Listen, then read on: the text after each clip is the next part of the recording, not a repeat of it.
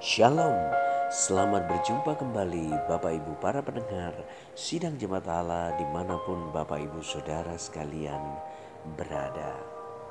Saya percaya Bapak Ibu Saudara sekalian dalam kondisi yang sehat Diberkati oleh Tuhan, dipelihara dalam segala kebaikan dan kemurahan Tuhan.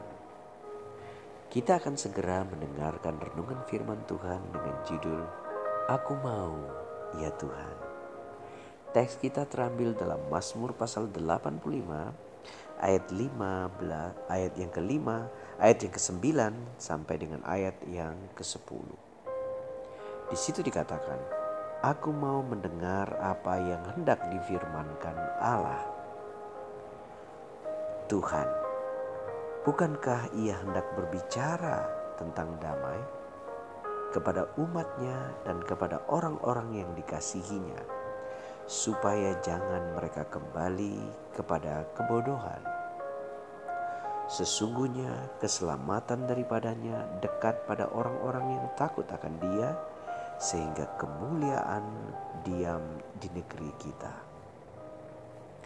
Bapak Ibu para pendengar yang dikasih oleh Tuhan, di dalam Mazmur pasal 85 ini kita mendapat bahwa kumpulan pujian Bani Korah menaikkan satu kerinduan kepada Allah. Aku mau, ya Tuhan. Apakah yang diinginkan oleh Bani Korah ini? Di situ dikatakan, aku mau mendengar apa yang hendak difirmankan Allah. Jadi mereka memiliki kerinduan di hadapan Tuhan. Yang pertama adalah mau mendengarkan apa yang hendak difirmankan Allah. Nah, Bapak Ibu Saudara yang dikasih Tuhan, apakah kita juga memiliki kerinduan yang sama? Kerinduan untuk mau mendengarkan Allah di dalam kondisi apa pun yang sedang kita hadapi? Ataukah kita cuma hanya mau mendengar apa yang dikatakan oleh orang lain? Dengar baik Bapak Ibu Saudara sekalian apa yang kita dengar dari orang lain bisa berubah, bisa berganti, cenderung mungkin tidak mengenakan.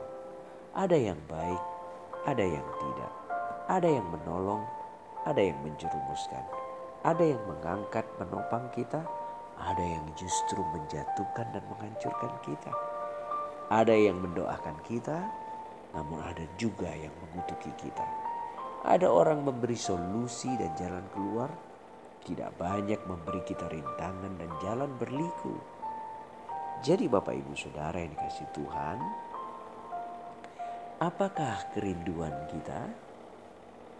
Ya, kerinduan untuk mendengarkan firman Tuhan.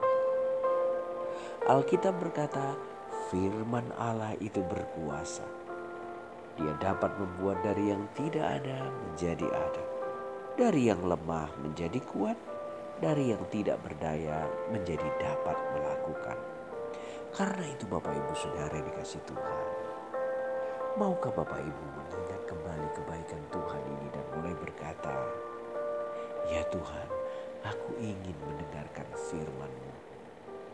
Meski Engkau menegur, semuanya untuk kebaikanku.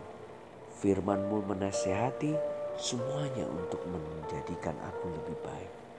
Firman-Mu memberkati supaya aku dapat belajar menjadi berkat bagi orang lain.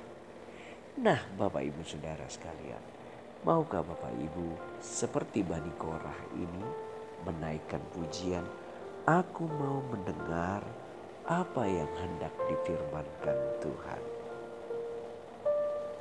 Kenapa kita perlu mendengarkan firman Tuhan?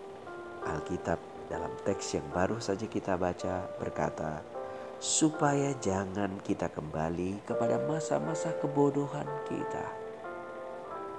Ada kalanya kita mengambil keputusan di luar kehendak Tuhan dan memuaskan keinginan kita sendiri. Ada kalanya kita merasa lebih pintar, lebih baik, lebih kuat, lebih sangar dari sebelumnya, atau mungkin lebih hebat daripada orang lain. Nah, firman Tuhan menghindari kita dari masa-masa kebodohan kita. Kita mungkin berpikir saat-saat itu adalah saat-saat kita yang paling kuat. Tapi sebenarnya kita sedang berada pada titik di mana kita menjauh dari Tuhan. Oleh sebab itu dibutuhkan firman Tuhan untuk mengembalikan kita pada jalur yang Allah kehendaki. Ada orang berpikir bahwa semua telah digariskan oleh Tuhan, Pak. Saya hanya mengikuti Tuhan. Setuju. Tetapi bukankah ia menciptakan kita tidak menjadi robot? Ada banyak pilihan-pilihan kita di masa lalu telah membuat kita masuk dalam tekanan-tekanan yang sulit di masa kini. Tidakkah kita pernah berpikir dan mengevaluasi diri kita bahwa sebenarnya yang kita butuhkan bukanlah apa, tapi siapa? Tidakkah kita berpikir bahwa kita sebenarnya sedang membutuhkan firman Tuhan? Itu yang pertama, Bapak Ibu Saudara. Aku mau mendengarkan apa yang difirmankan oleh Tuhan. Yang kedua, di situ dikatakan, aku mau hidup takut akan dia. Sesungguhnya keselamatan daripadanya dekat pada orang-orang yang takut akan dia. Sehingga kemuliaan diam di negeri kita. Tahukah Bapak Ibu apakah yang dimaksudkan takut akan dia? Apakah hidup penuh ketakutan? Tidak Bapak Ibu, bukan itu yang dimaksudkannya. Takut akan Tuhan artinya hidup menghormati Tuhan. Nah, pernahkah Bapak Ibu menghormati seseorang? Apa yang Bapak Ibu akan lakukan di depannya? Sikap kita akan berubah menjadi hormat. Kita tidak ingin menyakiti dia di depan.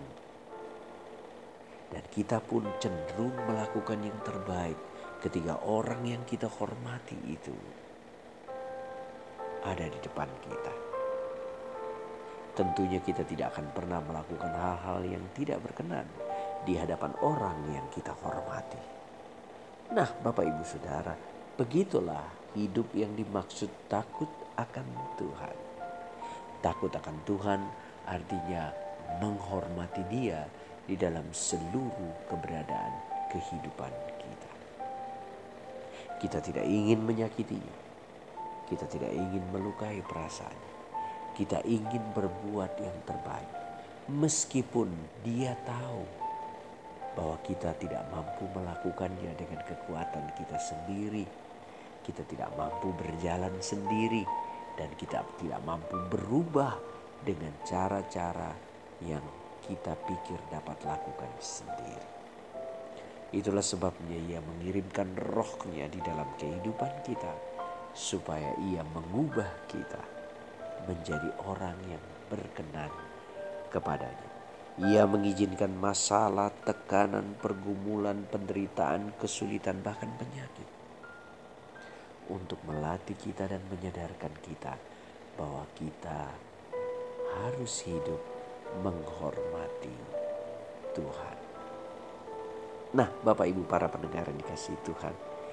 Kiranya hari ini Bapak Ibu diberkati oleh Tuhan. Saya percaya damai sejahtera, sukacita, ketenangan menjadi bagian kita. Tuhan menjauhkan kita dari sakit, penyakit, marah, bahaya, dan kecelakaan. Apa pun yang kita sentuh dan kerjakan, Tuhan Yesus membuatnya berhasil. Terimalah berkat sehat, kuat, dan panjang umur bagi Bapak Ibu, para pendengar di mana pun kita berada.